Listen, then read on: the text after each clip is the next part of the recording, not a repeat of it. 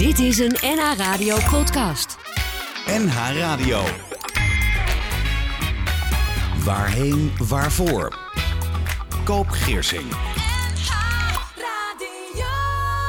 Levend verlies is de term om de levenslange rouw aan te duiden die je ervaart bij een beperking. Het gaat over het verdriet dat altijd kan oplaaien, verwacht of onverwacht, en dat soms verergert door de jaren heen.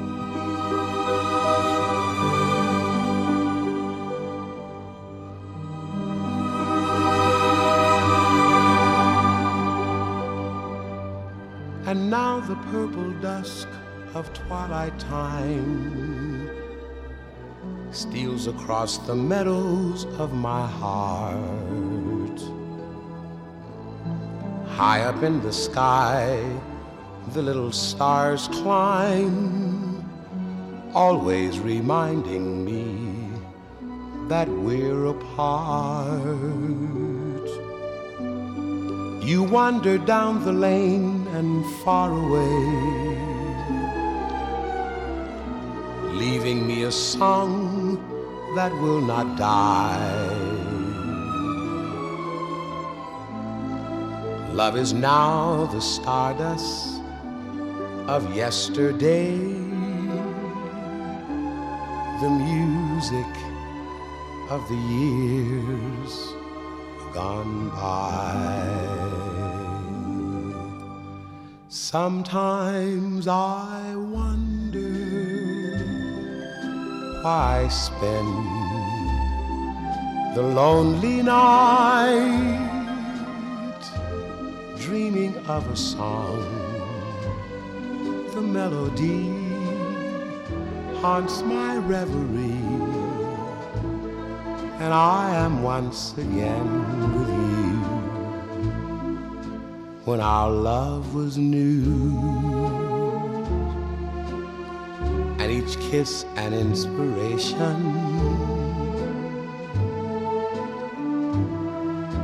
But that was long ago.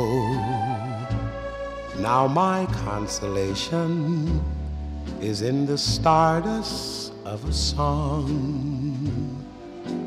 beside a garden wall when stars are bright you are in my arms. The nightingale tells his fairy tale, a paradise where roses bloom. Though I dream in vain, in my heart it will remain my stardust melody, the memory of love's refrain.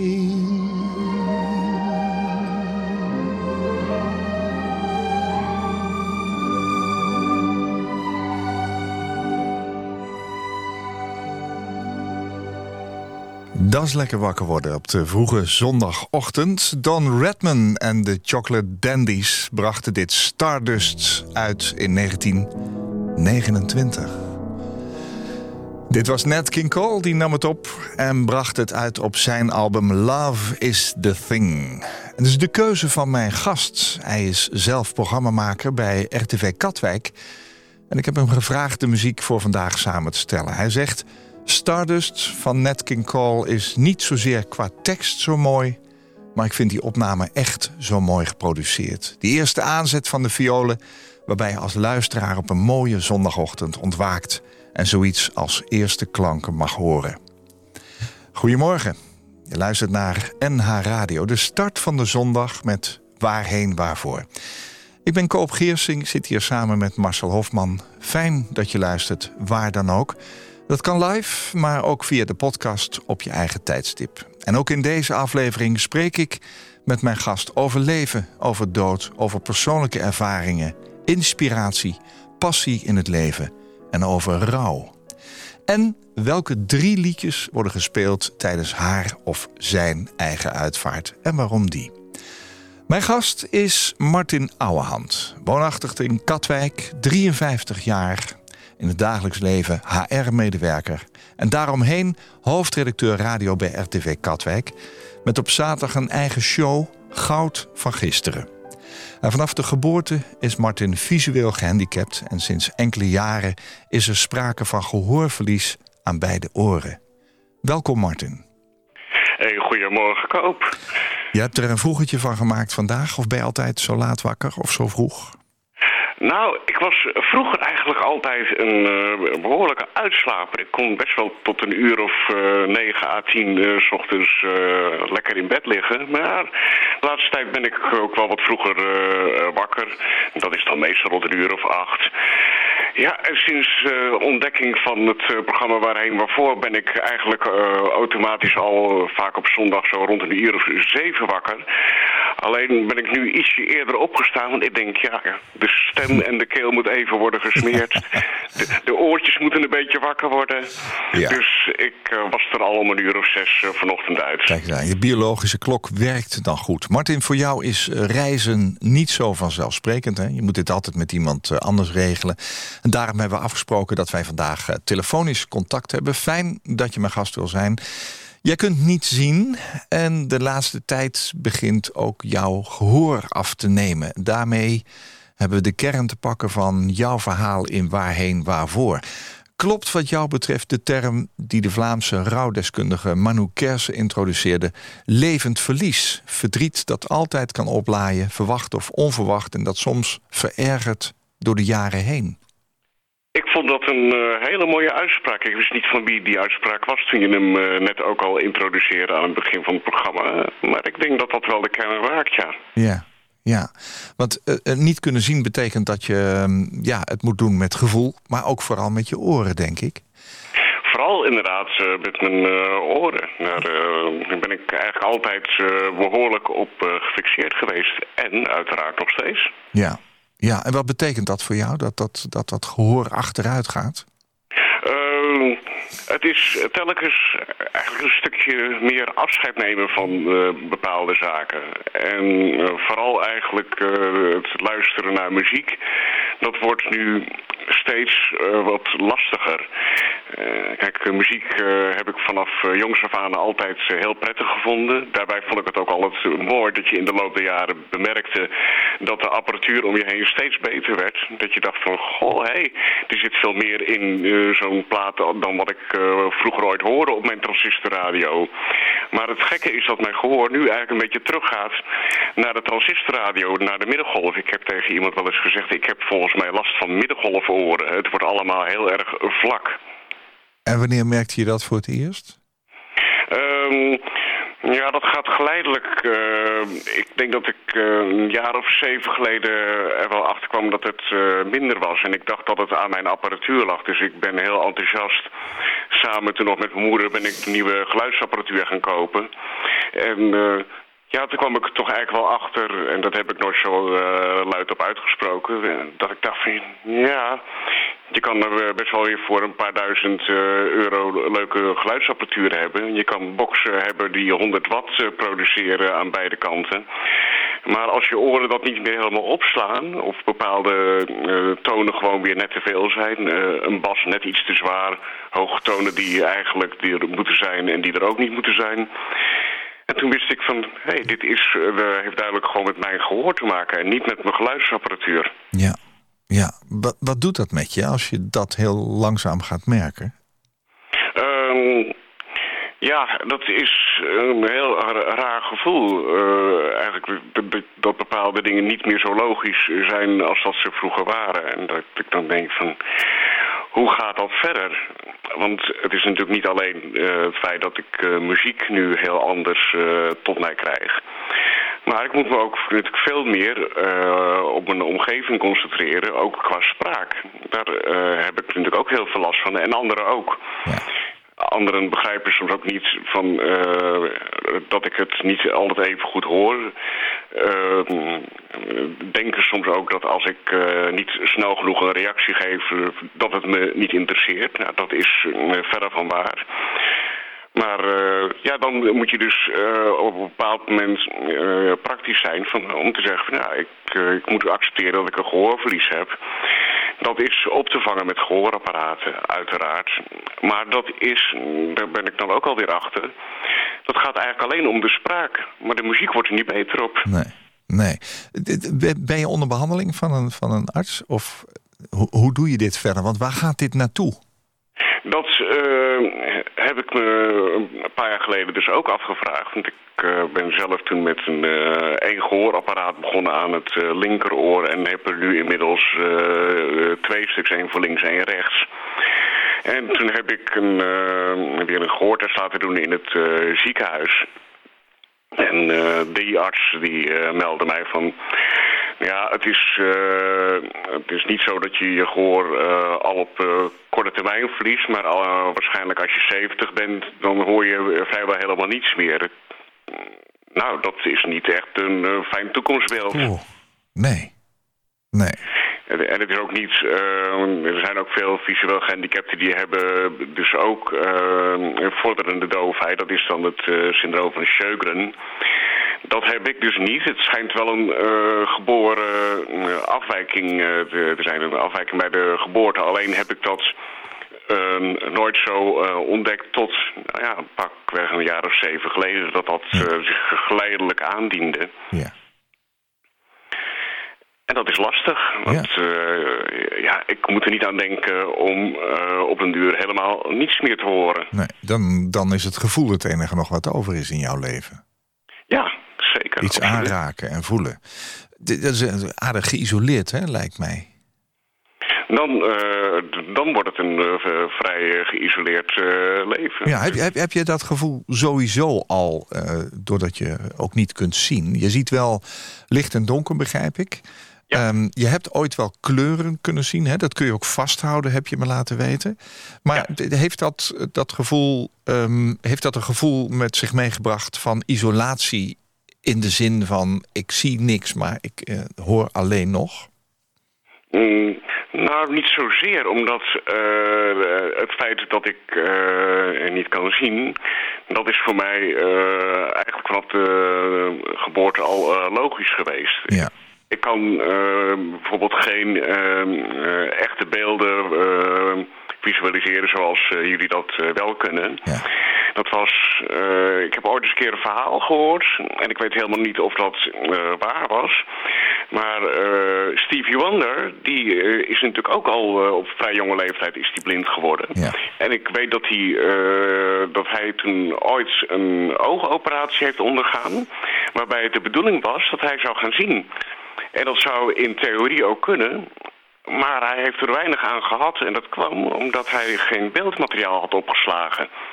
Want dat sla je op vanaf je geboorte tot, nou ja, pakweg je, je tiende jaar. Als je dan uh, blind wordt en uh, dat wordt later hersteld, dan heb je dus beeldmateriaal. En dat had Stevie Wonder niet. Oké, okay. en wat betekende dat?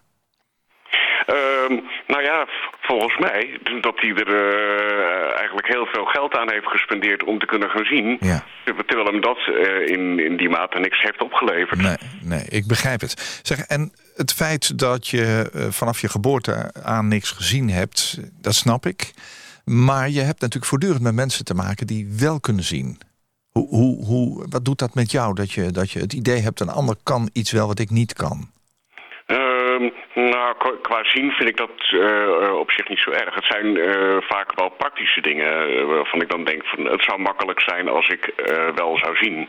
Want bepaalde handelingen kosten mij gewoon meer tijd. Als ik mij straks even ga scheren, dan is dat... ja, dan moet ik dat vrij minutieus doen. Dat, ja. ik kan geen plekje overslaan. jullie kunnen nog denken van... oh, nou, dat ziet er nog wel redelijk uit. Maar ja, dat zicht heb ik dus niet. Nee. En, en bijvoorbeeld, uh, ja, waar we het net al over hadden, het reizen. Uh, toen je me van de week uh, uitnodigde, ja, normaal gesproken, als ik had kunnen zien, had ik gezegd, joh, ik rij even met de auto naar je toe. Ja. en nu zou ik ook zeker het matineuze tijdstip, nou, daar zou ik wel iets voor moeten regelen. En dat wordt op zo'n tijdstip ook vrij moeilijk. Ja. Er zijn wel middelen om van A naar B te komen, maar dat is ook allemaal georganiseerd vervoer via valies of via regiotaxi. En dan moet je dus ook nog maar een beetje de stress hebben van komen ze wel op tijd, komen ze net te laat. Ja, maar weet je, Martin, je, je, het zijn allemaal dingen, hè? Maar het gevoel hebben dat je iets niet kunt wat een omgeving van je juist wel kan. Dat er heel veel dingen bestaan die gericht zijn op kijken, op uh, de, de, combinatie kijken en genieten. Heb je daar, ben je daar nooit boos over of verdrietig van? Dat jij dat niet hebt? Nou, ik denk dat ik dat in het begin als jongetje wel had. Toen vond ik dat niet eerlijk. Ja. Ik vond wel dat, uh, dat ik daar ook wel tussen aanhalingstekens recht op had. Ik heb uh, destijds uh, op de zondagschool gezeten en uh, toen leerde men mij dat God liefde was. En dat je God alles kon vragen. Dus ik heb God ook toen alles gevraagd. Eigenlijk voornamelijk omdat hij scheen te beschikken over nieuwe hartjes en waarschijnlijk ook wel nieuwe andere lichaamsdelen. Maar begreep uiteindelijk wel dat het niet zo was dat, die, eh, dat als je uh, bad tot de lieve heer... of die je dan ook een paar ogen wilde leveren, dat ging dus kennelijk niet. Het zat er niet in, begrijp ik. Nee. Nee, nee. Maar heb je daar last van gehad? Um, nou, toen ik een jaar of 9 à 10 was, vond ik het eigenlijk wel heel erg uh, vervelend. Omdat dat uh, om, omdat je op zo'n leeftijd ook gaat merken dat dat uh, een stuk onderscheid maakt. Uh, ja. want, want anderen mogen wel gewoon alles doen en laten wat ze willen. Mogen ook gewoon ehm, thuis blijven in het gezin en naar school gaan. Ja, ik moest toch gewoon ook elke week naar een blindeninstituut. En daar was ik vijf dagen intern. Ja, ja, daar gaan we straks over hebben. Um, Martin Ouwehand is mijn gast in Waarheen Waarvoor. Martin, je bent een enorme liefhebber van muziek en een, grote muziekkenner wat mij betreft. Ik heb jou gevraagd daarom de muziek voor vandaag samen te stellen. We gaan nu luisteren naar Harry Belafonte. Niet helemaal alleen, maar misschien wil jij hem aankondigen. Waarom gaan we dit opzetten? Het is een uh, lied dat werd uh, gemaakt in 1988. Harry Belafonte was toen al heel wat jaren bezig, vanaf de jaren 50, met zijn calypso-melodieën van de Banana Song tot Island in the Sun. Hij was ambassadeur geworden van UNICEF in 1988. Daarmee volgde hij Danny Kaye op. Er kwam een concert en daar werd een lied gezongen. Dat deed hij toen volgens mij in dat concert samen met Diana Reeves. Maar op de plaat doet hij dat met Jennifer Warnes. En het is een van de favoriete liederen van mijn ouders uh, altijd geweest. En zeker van mijn moeder. Op haar uitvaart heb ik dat ook laten spelen vijf jaar geleden. En het blijft altijd ontroerend. Notabene geschreven trouwens door Jake Holmes. De man die eigenlijk ook verantwoordelijk is zeilings voor, voor haar van Frans Halsema. Skin to skin.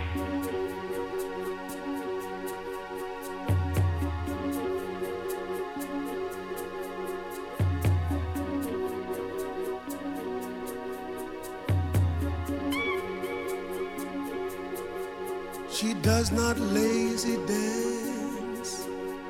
her does not talk no pretty talk. She pleasures silently. But with her I am summer. I warm easy to her heat. She fill me full. She fill me full she make me complete, skin to skin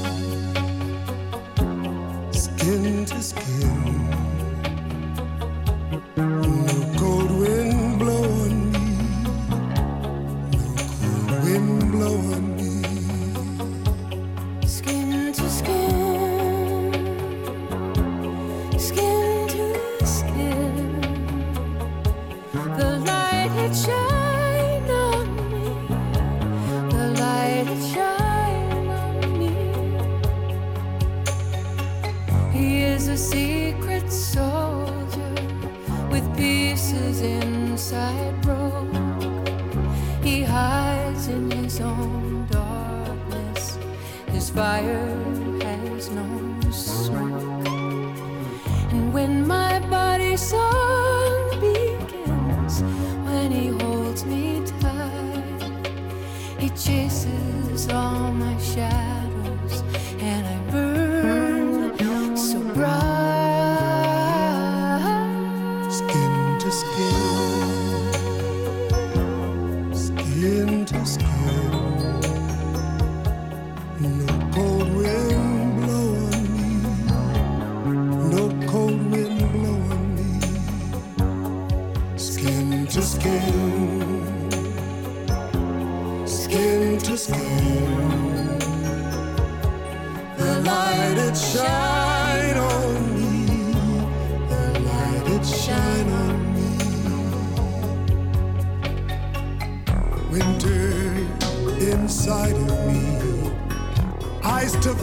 storm.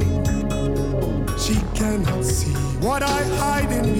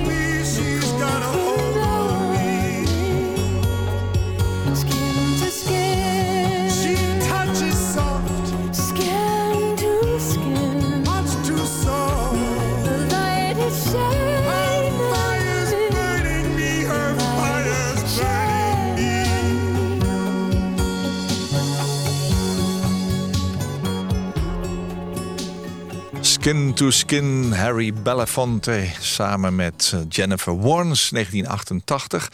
Een van de liederen tijdens de uitvaart van jouw moeder, Martin. Ja, inderdaad. Zij eh, eh, overleed in 2017 op eh, 29 juli. Er was bij haar een paar maanden daarvoor alvleesklierkanker Een geconstateerd. paar maanden daarvoor. Ja, Dat is twee maanden. snel gegaan, zeg. Ja, nou waarschijnlijk eh, zat het er al veel eerder. Want achteraf eh, weet ik wel dat mijn moeder wel tegen eh, een paar goede vriendinnen, ook een goede vriendin van mij, al had gezegd van... Ik geloof dat ik er niet meer lang zal zijn. En dat had ze eigenlijk in eh, december 2016 al eh, zachtjes laten vallen. Oh, Maar eh, ze wilde vooral mijn vader en mij daar nog niet mee opzadelen. Dus ze heeft het nog aardig voor zich gehouden. Ja, een alvleesklierkanker, dat is een verschrikkelijke ziekte... omdat je dat niet meteen herkent. Het zich, uit zich in allerlei klachtjes. Een beetje rugpijn, een beetje buikpijn, een beetje van alles en nog wat. ja. En toen zij dus het te horen kreeg op eh, 31 mei 2017... toen wist ze, nou ik heb misschien twee tot zes maanden te leven... en bedacht dat ze haar eigen uitvaart eh, eh, wilde regelen. Ja. Dus op eh, zekere avond eh, eh, zat ik bij mijn ouders en, en toen zei mijn moeder... oh, je bent precies op tijd. Ik zeg, oh, hoezo ben ik nou precies op tijd? Ze zegt, eh, ik ben eh, mijn uitvaart aan het eh, regelen en jij bent van de muziek. En toen hebben we met z'n drieën, ook met mijn vader erbij, hebben we liedjes zitten luisteren. En nou, daar een keuze uitgemaakt. We zaten bijvoorbeeld ook bij Listen to the Ocean van Nina en Frederik. Oh ja. Ja, dat is ook, eh, ja, dat is ook echt de oude generatie, die, eh, die kent dat, hè. Ja, De, ja, eh, daar is en- zij van, dus dat, dat kan ik me wel voorstellen. en eh, Bridge Over Troubled Water van Simon Garfunkel, dat vond, vond ze ook heel erg mooi. Het kwam ook omdat wij toevallig een paar maanden daarvoor nog naar een concert waren geweest van twee Engelse heren die dat hele repertoire van Simon en Garfunkel ook brachten. En eh, ja, een van de toppers was ook eh, zeker wel eh, Claudia de Brij, mag ik dan bij jou? Nou, dat is tegenwoordig volgens mij bijna op heel veel uitvaarten te horen, maar dat weet jij beter dan ik. Ja. Nou, dat, dat, je bent dus op tijd thuisgekomen, zei je moeder, want we zijn de uitvaart aan het regelen. Hoe, hoe ging die avond? Want dat, dat is nogal wat, de uitvaart van je moeder regelen. Ehm, ja, dat ging, eh, dat, ging in een eh, paar gedeeltes. Wij zaten toen die eh, avond echt met z'n drieën thuis. Mijn jongere broer was daar nog niet bij.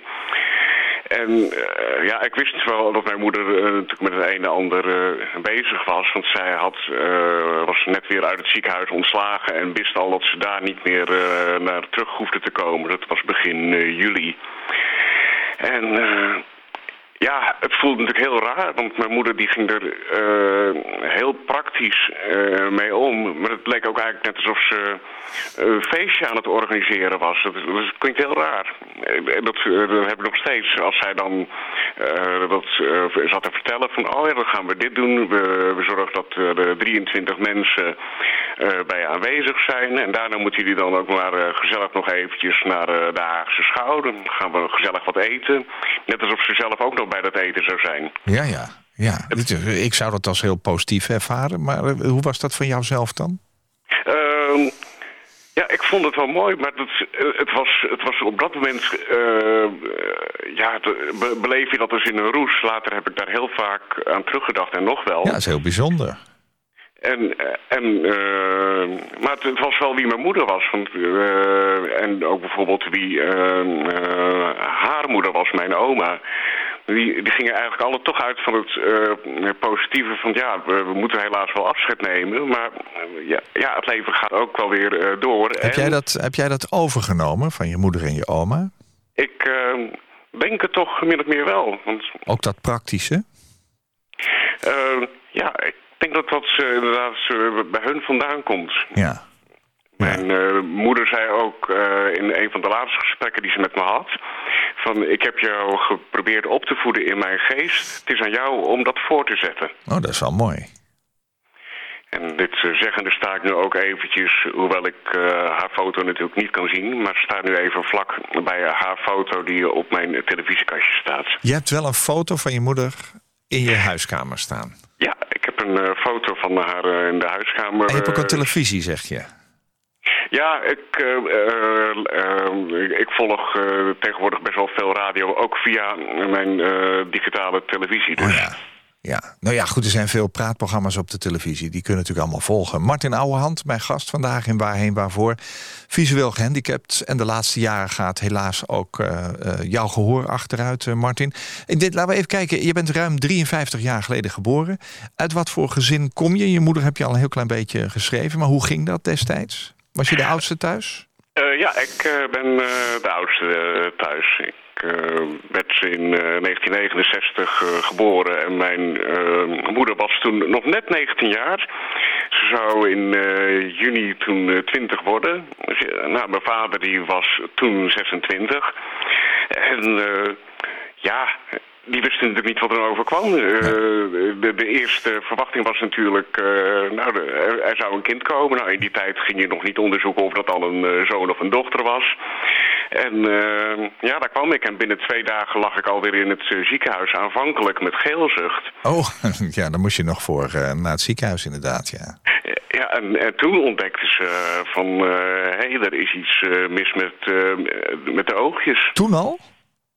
Nou, al, eh, al vrij vlot, inderdaad. Ik denk dat dat, eh, dat, dat niet zo ontzettend lang heeft geduurd. eh. Nee.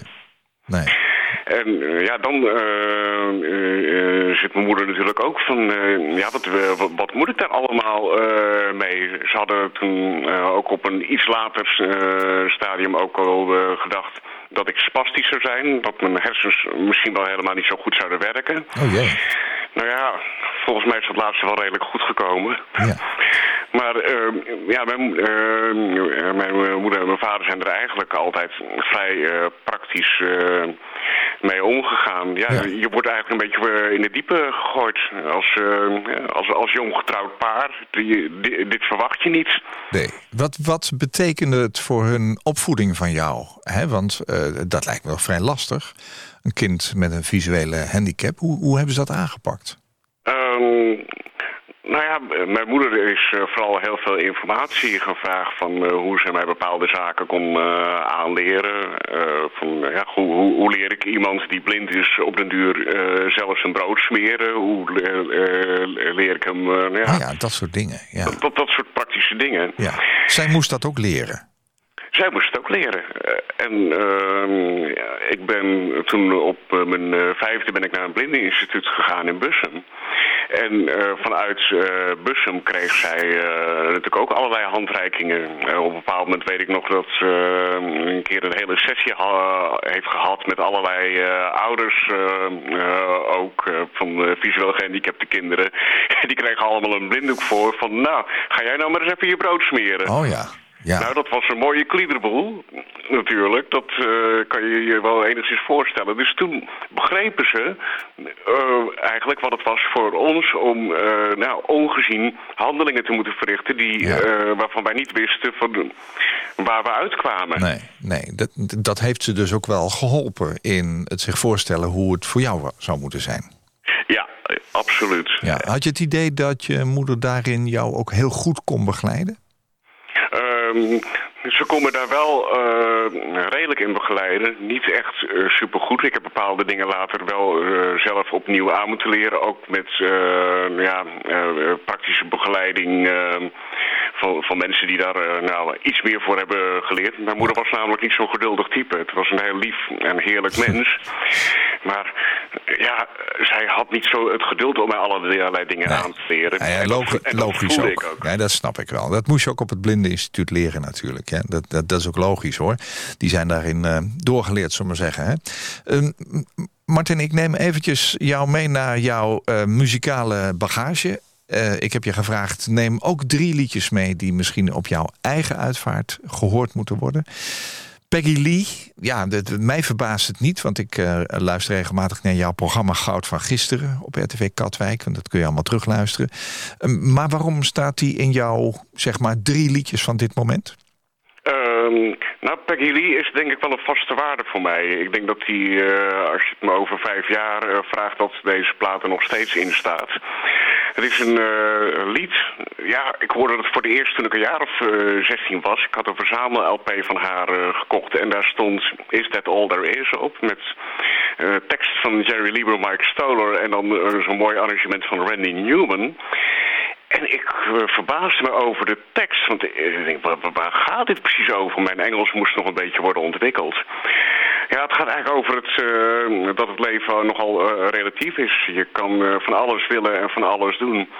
En dan eh, denken van, ja, ach joh, als dat het nou allemaal is. Het zijn eh, in feite in dit lied vier fases in het leven. Eerst een opgroeiend meisje eh, dat uit een brandend huis wordt gered. Deel 2 is dat ze met haar vader naar het circus gaat. Maar daar vindt ze het ook allemaal niet.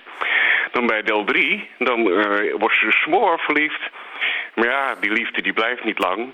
En dan in eh, deel 4 vragen anderen van eh, als je je zo voelt, waarom maak je er dan geen einde aan? En dan zegt ze, I'm not ready for that final disappointment. En dan zingt ze in het eh, refrein heel optimistisch, let's break out the booze and have a ball. Is that all there is? I remember when I was a little girl, our house caught on fire. I'll never forget the look on my father's face as he gathered me up in his arms and raced to the burning building out on the pavement. And I stood there, shivering in my pajamas, and watched the whole world go up in flames. And when it was all over, I said to myself, Is that all there is to a fire?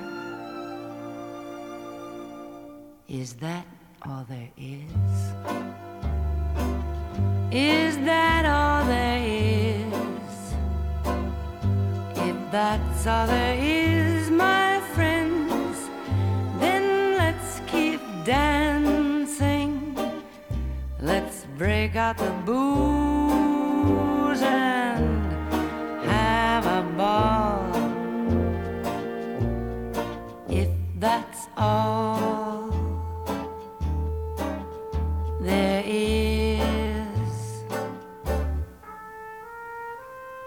when I was 12 years old, my daddy took me to the circus. the greatest show on earth. There were clowns and elephants and dancing bears, and a beautiful lady in pink tights flew high above our heads. And as I sat there watching, I had the feeling that something was missing. I don't know what, but when it was all over, I said to myself, there is to the circus? Is that all there is? Is that all there is? If that's all there is, my friends, then let's keep dancing. Let's break out the booze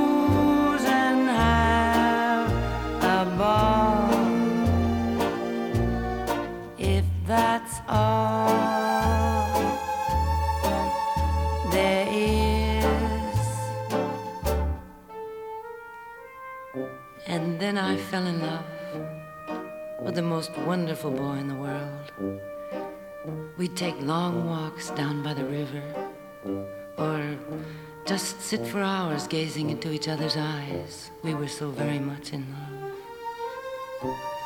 And then one day, he went away, and I thought I'd die, but I didn't.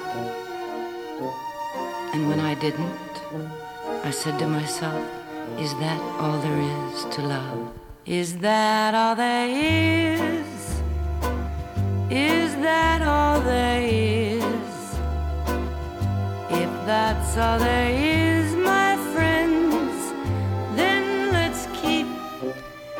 know what you must be saying to yourselves. If that's the way she feels about it, why doesn't she just end it all? Oh no, not me. I'm not ready for that final disappointment. Cause I know, just as well as I'm standing here talking to you, that when that final moment comes and I'm breathing my last breath, I'll be saying to myself, Is that all there is? Is that all there is? If that's all there is, my friends, then let's keep dancing. Let's break out the booze and have a ball. If that's all there is.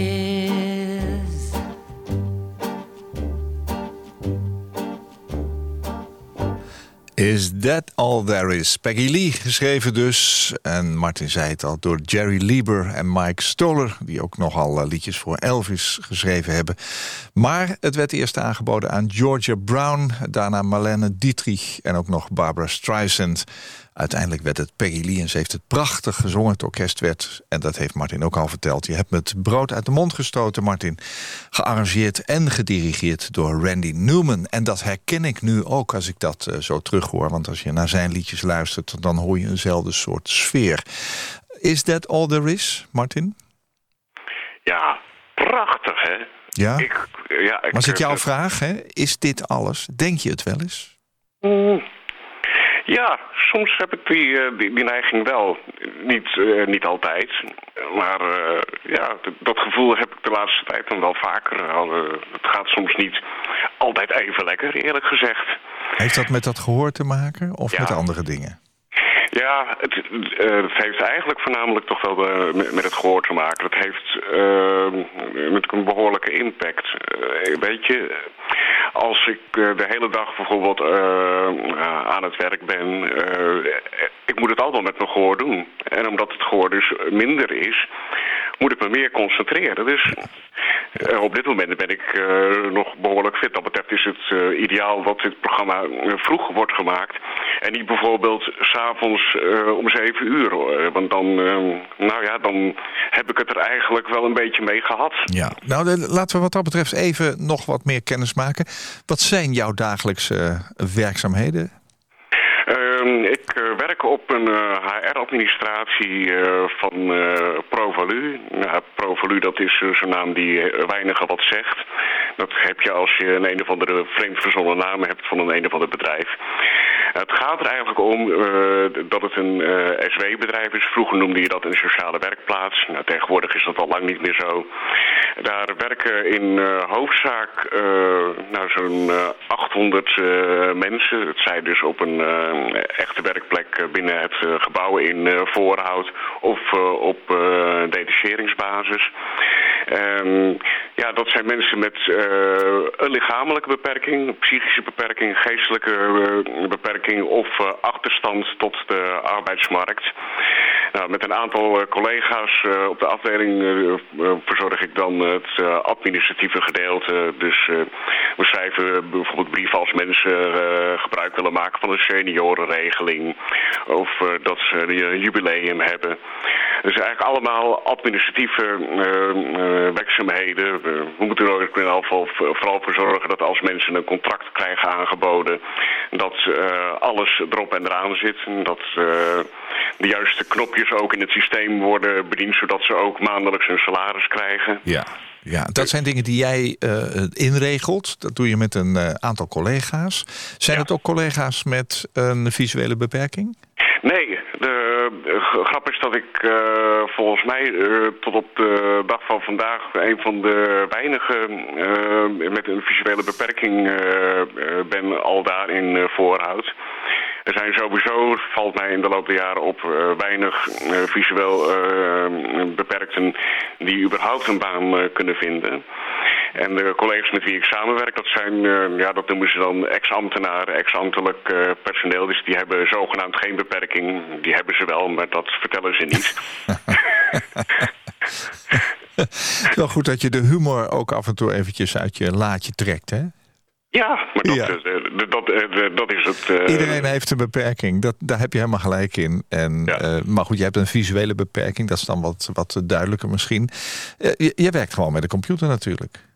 Ik werk met een eh, computer met, Ja. eh, met eh eh, braille-aanpassing. Dus een, Ja. eh, eigenlijk alles wat, wat jullie op het beeldscherm zien, dat lees ik in braille. Ja, Dat en voel je, braille is voor, voor Ja. mij eigenlijk net zo gewoon als dat jullie gewoon het, het gewone schrift onder ogen Ja, hebben. je, je zegt het al, hè, wij en jullie. Hè.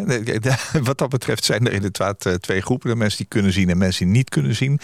Ehm, is het leuk werk bij Pro, Provalu? Ehm, ik vind het, eh, ik, ik heb er niet, eh, niet echt een hekel aan hoor. Nee. Het is, eh, ik, ik ben ook heel blij dat ik, een, een, dat ik er een baan aan heb waarbij nou, toch 36 uur in de week aan het werk ben. En dat er daardoor ook een, ja, dat ik toch een eigen salaris verdien, is prettig. Er zijn mensen die ook minder uurtjes eh, werken en die hebben het eh, veel lastiger. Want die krijgen dus ook op eh, maandbasis veel minder lonen in het zakje. En dan hebben ze vaak te maken met uitkeringen die dan weer de rest moeten aanvullen. En als ze dan weer net een paar euro meer verdienen, dan trekt de uitkering het er weer mooi vanaf. Nou, dat probleem heb ik dan gelukkig niet. Maar eh, ja, verder is het, eh, het, is prima werk. Ik vind het ook prettig dat het, eh, ja, dat- ik in elk geval daar mijn dag mee kan vullen. when you're down and troubled and you need a helping hand and nothing, well, nothing is going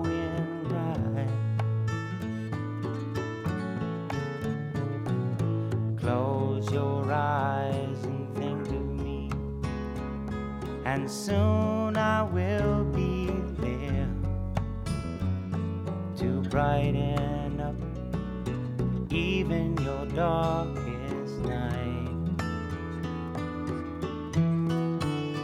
You just call up my name, and you know come running. Oh, yeah, babe, to see you again. winter, spring, summer, or fall. Now All you got to do is call, and I'll be there. Yeah, yeah, yeah. You've got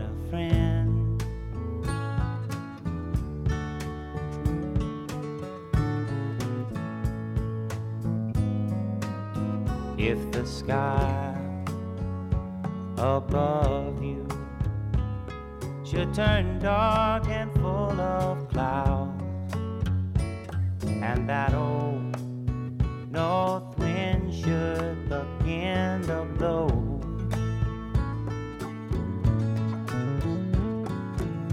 Keep your head together and call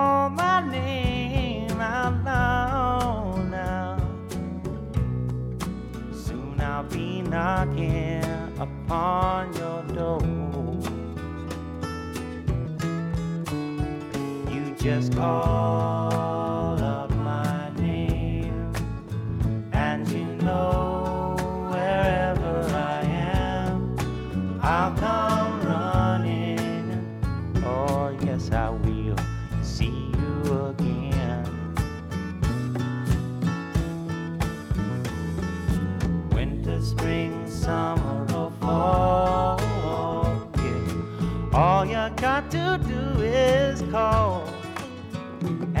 I'll be there. Yeah, yeah, yeah. Hey, ain't it good to know that you've got a friend when people can be so cold? They'll hurt you and desert you. Well, they'll take your soul if you let them. Oh, yeah, but don't you just call out my name, and you know wherever I am, I'll come running to see you again. Oh, baby, don't you know about winter, spring, summer, fall? Hey, now all you've got to do is call. Lord, I'll be there, yes, I will. Know You've got a friend. You've got a friend, yeah. Ain't it good to know you've got a friend? Ain't it good to know you've got a friend? Oh, yeah, yeah, you've got a. Geschreven door Carole King in 1971 en als eerste opgenomen door de toen 23-jarige James Taylor. Met in de studio op piano de componist zelf, Carole King, die het nummer daarna ook zelf opnam. Martin, dit staat op jouw lijstje van drie liedjes. You've Got a Friend, James Taylor. Had je er een reden voor waarom je dit liedje koos? Ehm, nou, het is ook wel iets wat ik graag ook eh, voor anderen zou willen zijn. Een goede vriend, een luisterend oor. Ben ik eigenlijk tot eh, nu toe altijd wel eh, in meer of mindere mate geweest. Dus het slaat ook wel heel erg op mij. En het was ook wel heel mooi toen ik drie jaar geleden 50 werd. Toen organiseerde ik een diner voor familie en vrienden. En toen was daar eh, een, eh, ja, een, eh, een, een bandje aan het spelen. Het, wa- het was een, een paar gitaristen en de drummer erbij. En op een zeker moment had ik als request aangevraagd... You've Got a Friend. En toen zong de hele tafel zong het mij toe. Nou, dat is geweldig, man. Ah, wat mooi. Ja. Je, je- je- heb je vrienden? Kun je, kun je zeggen, ik heb een vriendengroep om mij heen? Ehm, ik heb een aantal eh, hele goede vrienden eh, om me heen... waar ik eigenlijk altijd wel bij terecht kan. Ja, en zijn, zijn dat ook mensen met een visuele beperking of eh, ook Ehm, niet? Nou, die heb ik inderdaad ook. Eh, er zijn een paar inderdaad met een eh, eh, visuele beperking. Ook een hele eh, goede vriend eh, die woont in eh, Rijswijk. Daar heb ik eh, eh, ook altijd hele eh, prettige gesprekken mee. Zo nu en dan spreken we ook wel eens af dat dan eens even bij elkaar komen. En dat moet je dan eigenlijk van tevoren altijd wel eventjes goed organiseren. Maar dat lukt altijd wel. En, en, en dat is heel prettig, omdat je dan, omdat ik dan eigenlijk ook gewoon, ja, de, handicap deel. Hij is dan toevallig eh slechtziend, dus hij ziet dan weer net een fractie meer dan ik. En dat is eh, heel prettig. Eh, en eh, ja, kijk, heel veel vrienden heb ik niet. Mensen roepen tegenwoordig dat ze zoveel vrienden hebben, maar dat zijn van die Facebook-figuren. ik heb er duizend vrienden. Nou, als je er vier of vijf in je leven hebt, Heb je druk genoeg, hè? Ja, dat is ook zo. Maar ik snap wel dat als je een vriend hebt die ook met dezelfde eh, zeg maar, visuele beperking in jouw geval leeft, dat je bepaalde dingen veel beter van elkaar begrijpt.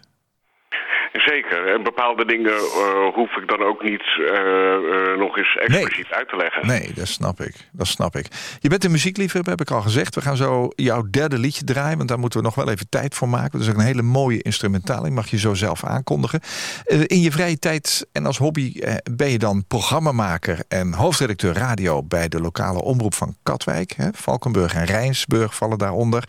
Oftewel RTV Katwijk. Wekelijks maak je ook het programma Goud van Gisteren. Eh, Hoe hoe zit dat in elkaar? Goud van gisteren, ja, dat is eh, de- dat toch eigenlijk onder de hand een beetje de hier en daar wat eh, vergeten muziek uit. eh, nou, dat kan gaan vanaf de jaren 40 tot de late jaren 70.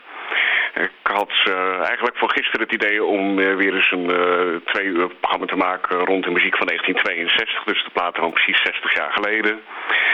En toen zei een goede luisteraar tegen mij, dat was Edwin, en die zei, waarom maak je niet een programma over 1952? Want tenslotte is dat... Elisabeth. Ja, Ja. Queen Elizabeth. Dus ik vond het een mooi idee. Dus ik heb een uur 1952 gedaan. Ja. En daarna ben ik overgestapt naar 57. En dat kwam omdat in dat jaar een ehm, instrument wel verscheen. Opgedragen aan Queen Elizabeth, de Elizabeth Serenade. Oh ja. Notabene eh, met een orkest onder leiding van Ron Goodwin en een productie van George Martin. Nou, dat mag jou dan wel weer aanspreken. De. Beatles, hè? Ja, ja, dat is ook een heel mooi liedje. Ook eh, heel mooi instrumentaal. En dat is meteen het bruggetje naar het eh, derde nummer van jouw lijstje van liedjes... die misschien op jouw uitvaart wel gehoord moeten worden. Ehm, dat is een liefdesliedje, zou je kunnen zeggen. Zou je eens willen vertellen waarom je het gekozen hebt? Ehm, het was een, al het al wel een, favoriet eh, lied van mij. Eh, eh, het team, Love Team van Romeo en Juliet. uitgevoerd hier door Henry Mancini. Maar het is eigenlijk van Nino Rota. Die had de muziek geschreven. Dat is Italiaanse die- componist, ja. Ja, die, die, die heeft ook dat, die, die, die liederen geschreven voor The Godfather. Hè? Ja, Shall ja de trilogie. Ja, dat klopt. En drie jaar geleden heb ik dat ook voor de uitvaart moeten gebruiken van een hele goede vriend die toen op 73-jarige leeftijd eh, overleed. Ik snap het. En, en dat eh, komt dan altijd heel mooi eh, binnen. En vooral deze, dit arrangement. Hè. Eerst die piano, dan het mooie orkest. En dan aan het eind, dan heb je dus alleen weer die piano van Henry Mancini die overblijft. En als je het op je koptelefoon hoort, dan hoor je hoe hij zijn handen van de vleugel neemt. We gaan er naar luisteren.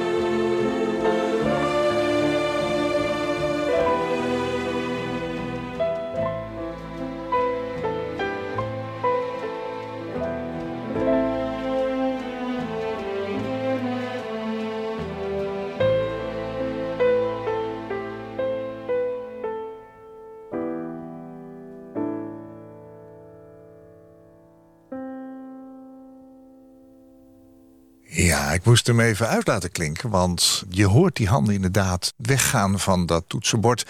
Uit 1969, Love Theme from Romeo and Juliet. Gearrangeerd door, Martin zei het al, Henry Mancini... uit Franco Zeffirelli's film Romeo and Juliet... en geschreven door de Italiaanse componist Nino Rota. En de toevoeging, ja, ik heb hem ook opgezocht, Martin... uit de Godfather-films, de muziek uit de Godfather-films... heeft hij ook uh, gecomponeerd. Dankjewel, Martin. Mijn gast in deze aflevering van Waarheen Waarvoor... was Martin Ouwehand, in het dagelijks leven HR-medewerker... en daaromheen hoofdredacteur radio bij RTV Katwijk. Met op zaterdag een eigen show, Goud van Gisteren. Ga die maar eens beluisteren, die is prachtig. Vanaf de geboorte is Martin visueel gehandicapt. Behalve licht en donker ziet hij in feite verder niets. En sinds enkele jaren is er sprake van gehoorverlies aan beide oren. En met name dat laatste ervaart hij als rouw. Martin is van jongs af aan een groot liefhebber geweest van muziek. Martin, dank dat je je verhaal met ons wilde delen. Blijf ons gelukkig maken met mooie radioprogramma's. En hopelijk levert jou zelf dat ook geluksmomenten op. Alle goeds. Dat gaat zeker lukken. Koop Geersing. Als jij een keer te gast wilt zijn in Waarheen Waarvoor... om te vertellen over jouw levensreis, laat me dat dan weten... via waarheenwaarvoor.nhradio.nl waarheenwaarvoor.nhradio.nl Dit was een NH Radio podcast. Voor meer, ga naar nhradio.nl Radio.